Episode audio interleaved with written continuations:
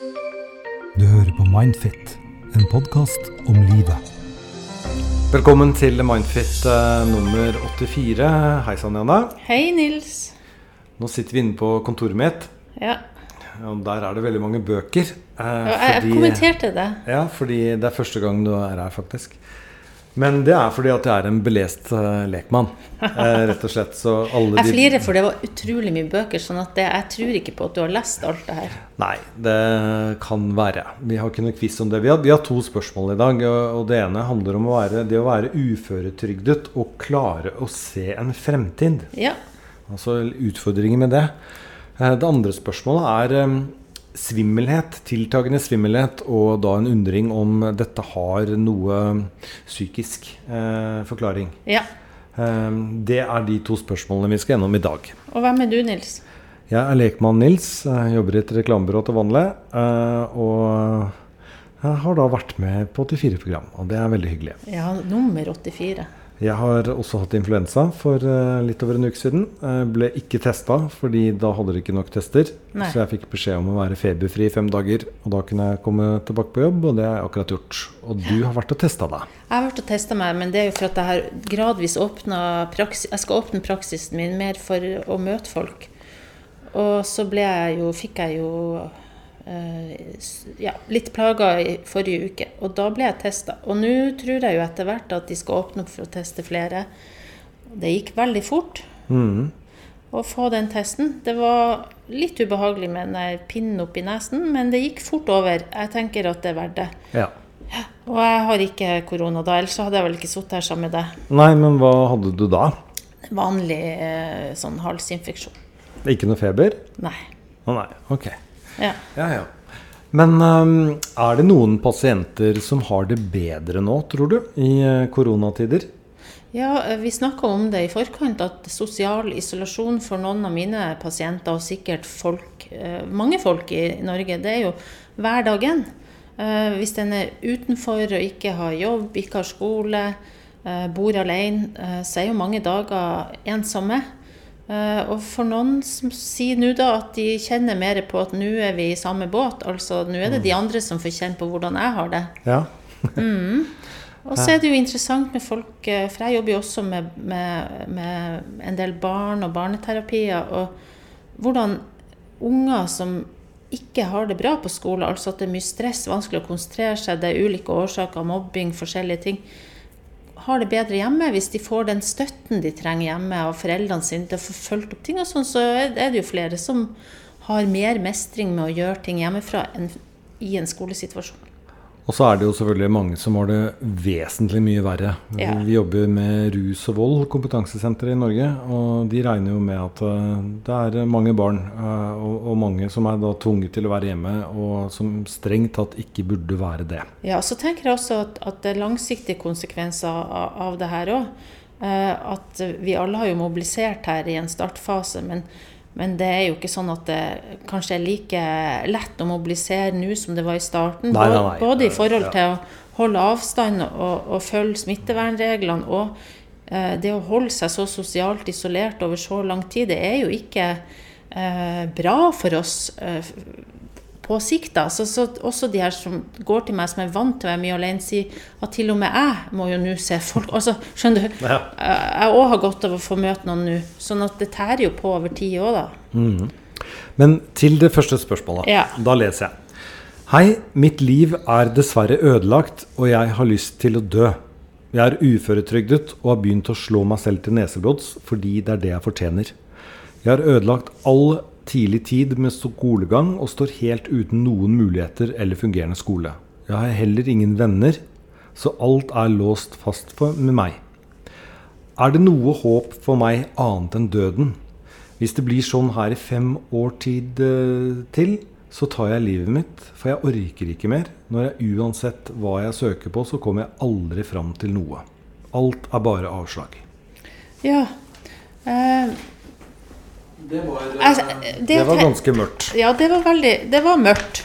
Og så har jeg tatt det med òg, fordi jeg tenker eh, Det er noe med perspektivet her om det, Dette er jo en person som har satt seg noen år frem for å se om det blir bedre, som får meg til å tenke at det er jo også en person som fremdeles har håp, eller Uh, har satt seg en frist som gjør at det kan jo skje noe bra òg, så jeg skal holde ut litt til.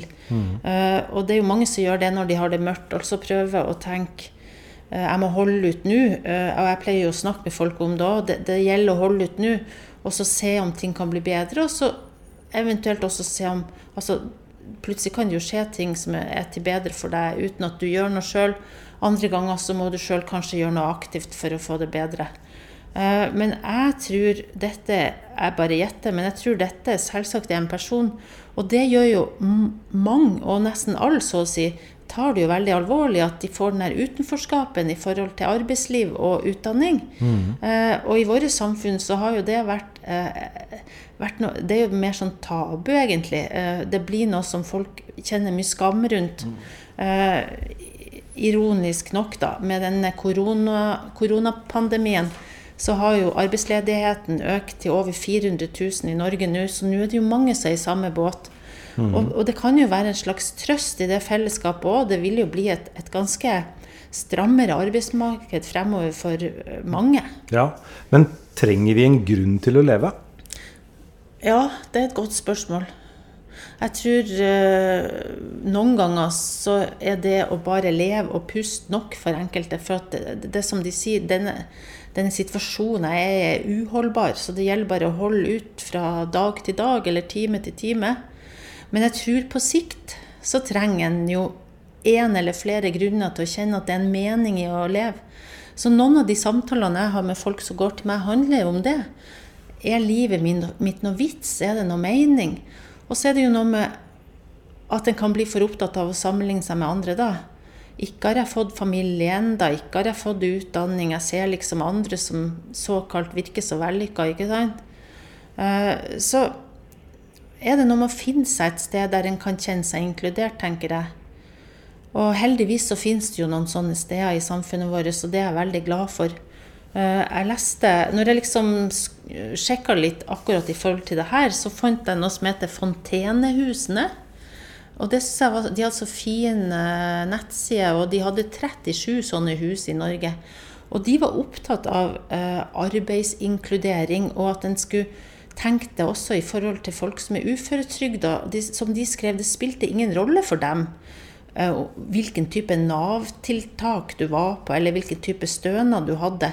Eh, De var opptatt av at eh, for folk flest, hva er det de ønsker seg aller mest? De har gjort undersøkelser blant folk som har psykisk lidelse, og det som kommer høyest på lista, er jo å ha et arbeid. Og da er det jo sånn Eller en grunn til å leve? ja, men altså arbeid, altså føle seg nyttig. Ja. Sånn at da må en tenke i vid forstand òg, ikke sant. Eh, en kan tenke frivillighetsarbeid, en kan tenke omsorg eh, for sine nærmeste.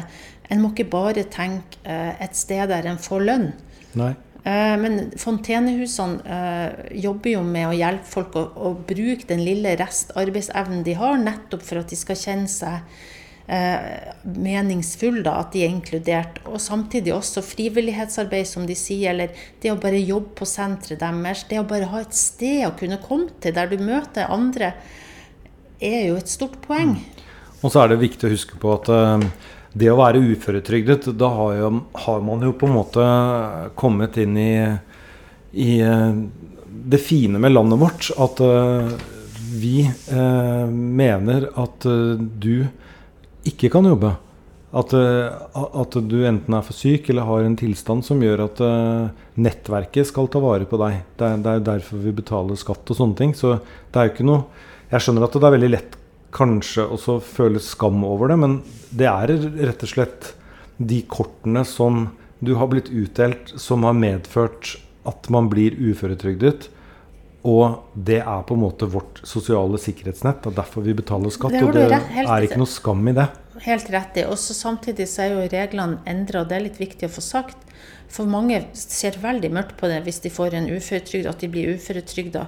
Men eh, siste årene så har jo Nav endra altså Reglene er mjuka opp, sånn at det er lov å jobbe selv om du er uføretrygda. Og de har også heva grensen for hvor mye du kan jobbe selv om du er uføretrygda. Og det er ikke sånn at hvis du nå er uføretrygda, så skal du aldri kunne få jobb igjen. Det er faktisk for noen av de som går til meg, så er det en lettelse å få den uføretrygden, for at da slipper slipper de det stresset hele tida med at jeg må, jeg må, komme i gang, jeg må få til å, å fungere når de åpenbart ikke klarer det her og nå. Det å senke skuldrene kan mm. for noen også faktisk bety at de kommer seg inn i arbeidslivet igjen seinere. I en, små eller store stillinger. Eh, eller at de må søke litt utover den jobbobla og finne ut er det noe annet sted jeg kan kjenne tilhørighet eller føle meg nyttig? Men det er viktig for folk å føle seg nyttig. Ja, Men du har jo også alt fra frivilligsentraler til, eh, ja, altså til, til si, dugnadsarbeid. Altså det, det, er jo et fjell av oppgaver som venter. Ja. Så det handler vel egentlig om å finne ut hva har man lyst til å gjøre. Eh, hva har man eventuelt lyst til å lære seg for å kunne bidra? Ikke, ikke i forhold til en betalt jobb, men i forhold til en viktig jobb. Ja. Som gjør da at man ja. Eh, får flere å snakke med, og man merker at man betyr noe. Og da, da ja. er man vel inne på at det, det er en grunn til å stå opp om morgenen. Fordi det er noen som venter at jeg skal gjøre noe. eller eh, bryr seg om det. Og, og, det tenker jeg med dette òg, at han, han eller hun snakker jo også om ensomhet, ikke sant. Det å ikke ha noen venner. Uh, og så tenker jeg at uh, noen av de som jeg har uh, hjulpet, eller har prøvd å hjelpe, det er noe med å finne et sted å hekte seg på når en ikke har venner. Og, jeg tenker det er så mange som ikke har venner. Det er ikke sånn at det er altså, Denne personen kan jo tenke at jeg er veldig unik som ikke har venner. Min erfaring er nei. Det er en av tabuene i samfunnet vårt at mange er jo faktisk ensomme. Mm. Uh, og det har mange ulike årsaker. Det er jo tilfeldigheter og det har litt med alder å gjøre. fordi i en viss alder, hvis du ikke har fått deg familie enda, og alle rundt deg har etablert seg, uh, travelt opptatt med jobbene sine og familiene sine, så er det jo ikke lett å opprettholde vennskap heller, fordi folk har det for travelt. ikke sant? Mm. Så, så, det er jo ingen skam, og det er faktisk veldig en styrke å kunne heller søke seg inn og organisert uh, og få et nettverk der. Så det å også tenke på hva interesserer meg, hva kunne jeg tenke meg å holde på med, og så tørre da å møte opp eller tørre å ta kontakt. fordi der er jo terskelen kjempehøy òg, for en tenker jeg har da ingenting å bidra med. Det kan bli så mye negativt tanker om seg sjøl og hindringer en kjenner på. Så jeg skjønner også denne personen at, at, det er veldig vanskelig å pushe alt det her på egen hånd. Skulle gjerne hatt noen som var der med han, ikke sant? Og, mm. og han eller hun og hjalp, ja. hjalp til. Ja. Men uh, vi, vi, tolker jo uh, altså, Det kan jo godt hende at uh, dette, denne mailen er skrevet sent på kvelden, og, og, at det var ekstra mørkt akkurat da. Men igjen så er det den lille femårsplanen som jo bærer preg av noe positivt tross alt. Ja, jeg syns det gir håp. Og så tenker jeg eh, hvis ikke det finnes noe som helst der av ideer om hvordan en skal hekte seg på, eller føler at en er til mening for noen, eller gjør noe der en kjenner at en ikke er så ensom, eh, så finnes det heldigvis en del eh, telefoner en kan ringe, sånn som Mental Helse, Kirkens Bymisjon, som er gratistilbud der en kan få drøfta med en, en, person anonymt, og kanskje få noe sparring på det. For jeg tenker at noe av utfordringen her er å ikke, ikke gi opp. Altså En må, må, prøve å holde på om at det finnes noe ut, der ute til meg òg. Og Kirkens Bymisjon er jo en av de organisasjonene som har mye frivillig arbeid, og som trenger alle mennesker de kan få.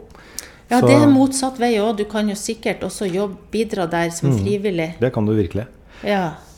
Da tar vi Håper det var et eh, svar som du uh, syns var ålreit, du som sendte inn. Og vi går nå da videre til og neste. Og ønsker alle mulig lykke til, og ja. håper at ting skal bli bedre på sikt. Det gjør jeg også. Mm. Da leser jeg neste.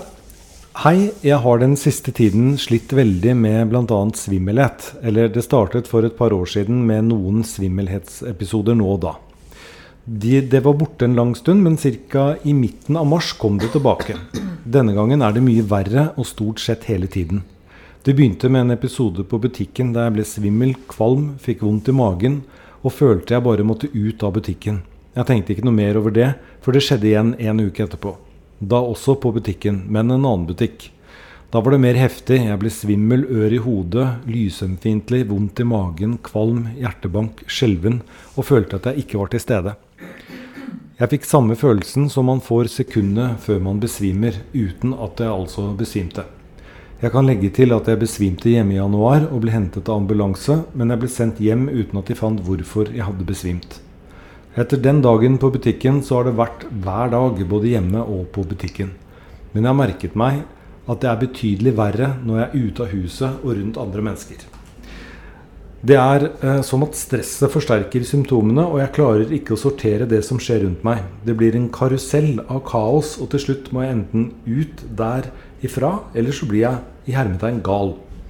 Dette er helt nytt for meg, da jeg til vanlig jobber i butikk, og har tidligere også hatt sosiale jobber der jeg er vant til stress og at det skjer mye. Bar, restaurant og barnehage. Jeg oppsøkte fastlegen 6.4, og han mente det kunne være vestibularisnevritt, og da går jeg ut av brevet. Hva i all verden betyr vestibularisnevritt, Janne? Det er virus på balansenerven. Check, check. Ja. Da leser jeg videre. Uten at han kunne si det helt sikkert. Alle blodprøver var fine, blodtrykk var fint, selv om jeg hadde ganske stor differanse på sittende og stående blodtrykk. Han satte meg på en ti dagers kortisjonskur før, for da vestibularis nevritt, med beskjed om å ta kontakt igjen om det ikke blir bedre. Jeg har nå fullført kuren og føler meg ikke noe bedre. Jeg tror ikke det kan ha vært det som var grunnen til plagene mine, og jeg må nok utredes videre. Men det er da jeg begynner å lure på om dette kan være psykisk. Jeg vet at man kan få psykiske følgesykdommer av fysisk sykdom, men jeg må også tørre å tenke at dette kan bare være skapt av meg. Vi er nå inne i en spesiell tid med koronaviruset, som jo sikkert ikke gjør det bedre for de med angst. Jeg har ingen angst mot selve viruset eller smitte, men jeg begynner å lure på om omstendighetene vi er i, kan trigge i noe i meg likevel. Jeg kan fortelle litt om fortiden min, sånn at det blir litt enklere å forstå. Da jeg var 16 år, jeg er nå 29 år, så var jeg sammen med en som ikke var veldig snill med meg. Han drev med narkotika og var veldig voldelig. Mot meg var det for det meste psykisk vold. Det er mye jeg ikke husker fra den tiden, men noen bilder og følelser kan jeg huske. Den episoden som jeg tror var den som gjorde mest med meg, var en gang han holdt meg fysisk fast utenfor skolen i tre skoletimer sammenhengende. Jeg husker enda følelsen av å forsvinne mentalt. Det var på en måte den eneste flukten jeg hadde. Jeg visste også at han ikke var frisk, da jeg kunne se det på øynene når han forandret personlighet. Han var og er veldig ustabil, og har de siste årene sittet for det meste i fengsel. Han har nå nylig fått en ny dom på seks år pga. bl.a. drapstrusler og at han truet sin egen far med kniv. Men pga. korona ble han sluppet ut etter to måneder. Han bruker å kontakte meg med jevne mellomrom for å fortelle meg at jeg er ei hore, men han har ikke gjort det det siste halvåret. Han vet ikke hvor jeg bor, og sjansen for å møte han er veldig liten. Så dette er ikke noe jeg tenker på i det daglige, i alle fall ikke bevisst. Men jeg vet at det som skjedde, har preget meg, og det har jeg alltid vært klar over. Jeg vet f.eks. at jeg ikke tåler å bli holdt fast eller stengt inne, og dette har jeg alltid gitt beskjed om når jeg har fått en ny kjæreste. Men utover det så har, har det ikke hindret meg i å leve et normalt liv. Om det har noen betydning, så opplevde jeg også en voldtekt av kjæresten jeg hadde etter han. Da var jeg 17 år. Men det har jeg en helt annen følelse for. Det er ikke redsel, men det er mer avsky. Jeg er ikke redd for den personen, men jeg blir kvalm av å tenke på situasjonen, som igjen har preget mitt syn på sex, men det er et annet kapittel. Så for å oppsummere. Det jeg lurer på, med tanke på min bakgrunn, kan dette med at vi er innestengt og pålagt å være adskilt fra andre i denne tiden, påvirke meg til å få symptomer på angst? Kan det trigge noe som har ligget hjem til meg? er spørsmålet. Og her vil vel egentlig lekmannen si ja. Ja, det kan vi godt si. Jeg bare sier om det er virus på balansen. Nei, men Hun har jo fått en sånn uh, kur over ti dager, og så skal hun tilbake til legen. Uh, og det, hun, hun, skriver ingenting om det, men, men, det er klart at en del av uh, behandlinga er også å trene opp, trene opp denne balanseevnen igjen, da. Sånn at de får ofte en del øvelser de skal gjøre.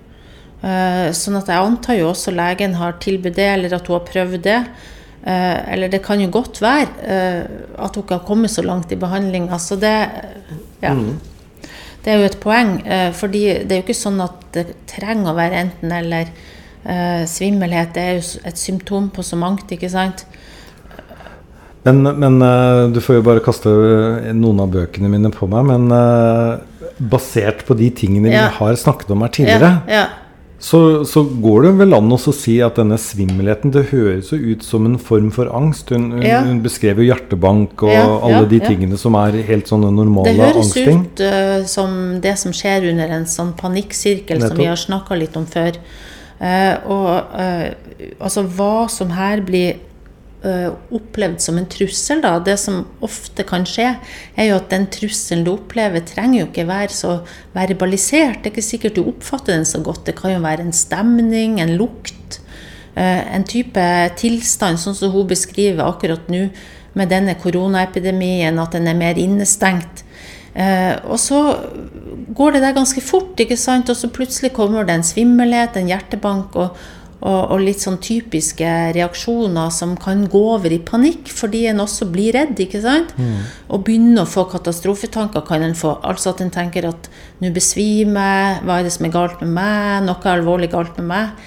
Som øker igjen eh, svimmelheten, øker igjen angsten. Så har du denne sirkelen gående. Eh, Så det er klart at dette kan være eh, tegn på, på angst, panikkangst. Eh, Og det som ofte da skjer, eh, som vi har snakka en del om før òg, det er jo at en utvikler en del eh, strategier som en, utvikler for å takle det der ubehaget som ligger i sånne situasjoner. Ikke sant? Hvis det har oppstått i én butikk, og så enda en butikk. Eh, jeg sier ikke at hun har gjort det, men en del folk vil da ende opp med ja, men da går jeg ikke i butikk, da. Eller hvis jeg skal gå i butikk, så skal en rekke forutsetninger være til stede for at jeg skal gjøre det. Det skal ikke være mye folk der. eh, jeg må kunne gå fort gjennom butikken. eh, du begynner med strategier for å unngå dette ubehaget. Disse strategiene igjen, det kan være, sånn- det kan være en utfordring Altså det kan bli en bakside med dem òg. De kan for så vidt hjelpe deg kortsiktig, men langsiktig så opprettholder de problemet. Eh, sånn at det er jo veldig viktig å prøve å fortsette å gå i butikk. eh, og tørre å utfordre denne panikken eh, innenfor rimelighetens grenser, da. Mm. Men jeg vet, eh, nå husker jeg ikke, det var kanskje ikke deg som vi, vi snakket om dette her med, eh, nemlig professoren, holdt jeg på å si. Men altså, kan, det, kan det være slik at, eh, at det at hun nå får disse angstanfallene, hvis vi bare for moro skyld kaller det det, at det er på en måte sinnet som sier ifra til henne at eh, nå er du klar til å deale med de tingene som du har skjøvet inn i disse små boksene dine? Ja.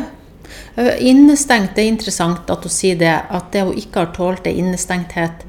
Fordi jeg vet at mange av de som går til meg, som sliter med traumereaksjoner, nettopp sliter med den følelsen av å bli låst, fanga. Eh, og at det er da de får panikk. Det er da de kjenner angst. Eh, og da, da er det for at eh, åpenbart, sånn som eh, jeg snakker med folk går til meg som har blitt mobba, det å være innestengt i et rom minner om å være i et klasserom. Har du blitt voldtatt, så er det det å bli tatt på bestemte måter, f.eks. At noen tar tak i håret ditt bak, det minner om, om, om dette at du ble holdt fast. Og, og denne følelsen av å være fanga, som er en sånn typisk traumereaksjon.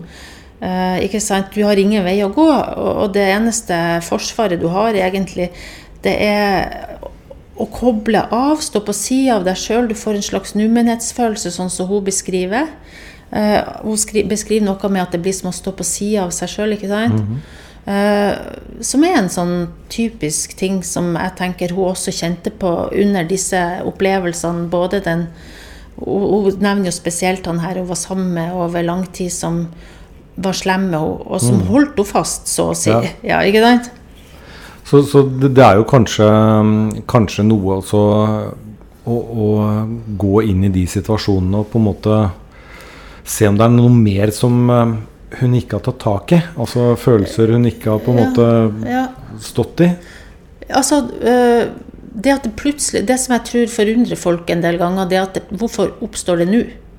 For at de har i mange år klart å, å kjenne at dette angår dem ikke. Men det har jeg sett flere ganger, at, at plutselig tilfeldighetene, et eller annet, så, så plutselig har du reaksjoner på noe som har skjedd for lenge siden. Så det, det er jo et poeng at det kan fort skje. Og når hun først tar opp disse hendelsene, de høres jo ikke bra ut. Det høres jo ut som ting Ja, nei, som ikke sant? Det høres ut som vonde, traumatiske hendelser som eh, så klart har gjort noe med oss som jeg tenker denne følelsen av å bli fanga kan fort oppstå uh, som et resultat av at minnet aktiveres, eller at Altså, det trenger ikke være uttalte minner, det kan være mer kroppslige reaksjoner på, på, på disse, uh, dette minnet om stemninga, minnet om noe jeg har kjent på før, og så fyrer kroppen i en sånn respons på det, uten at du kanskje er så mye innom tankevirksomhet, tenker jeg. Mm. Så absolutt. Uh, jeg tror uh, godt at hun kunne hatt hjelp til å bearbeide mm. de hendelsene, og også i tillegg så klart kanskje hjelp til å håndtere når hun blir svimmel, når hun går på butikken og sånn.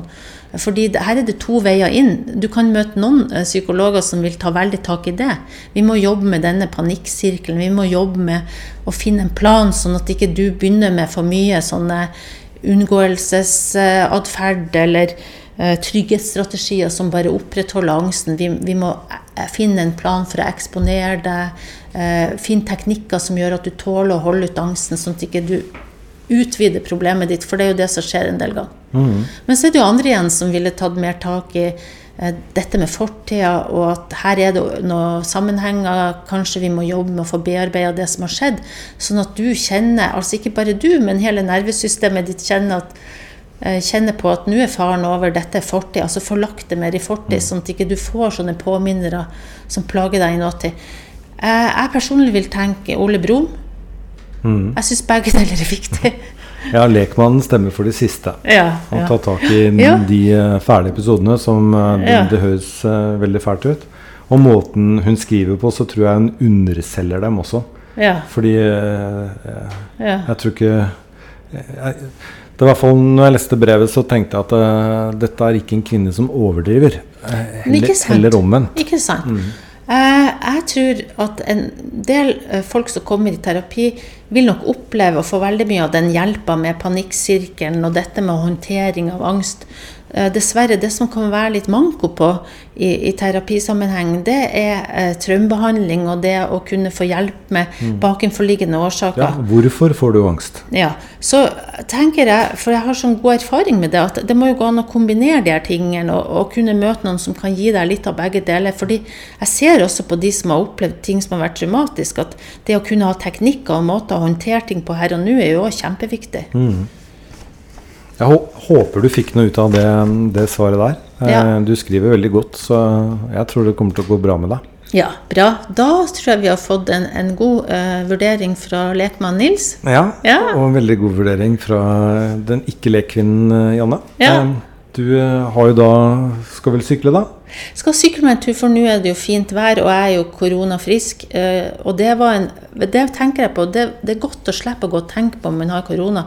For jeg syns det blir en belastning å gå og tenke på at jeg skal gå og smitte andre. Jeg har ikke lyst til å smitte andre. Nei, det var akkurat det jeg tenkte på når jeg hadde influensa òg. Ja. Altså, jeg var eh, ikke redd for meg selv, men jeg var veldig redd for å kunne eventuelt påføre andre noe ubehag, da. Ja, egentlig. Og så syns jeg oppmuntrende å se at nå har Uh, har de kommet så langt i helsevesenet at, at, at, vi alle kan kanskje regne med å få test hvis vi kjenner på de her plagene, så slipper vi å drive og isolere oss unødvendig hele tida. Vi alle sammen skal testes for antistoffer eh, for å sjekke hvor mange av oss som har hatt det. Skal vi det òg? Ja.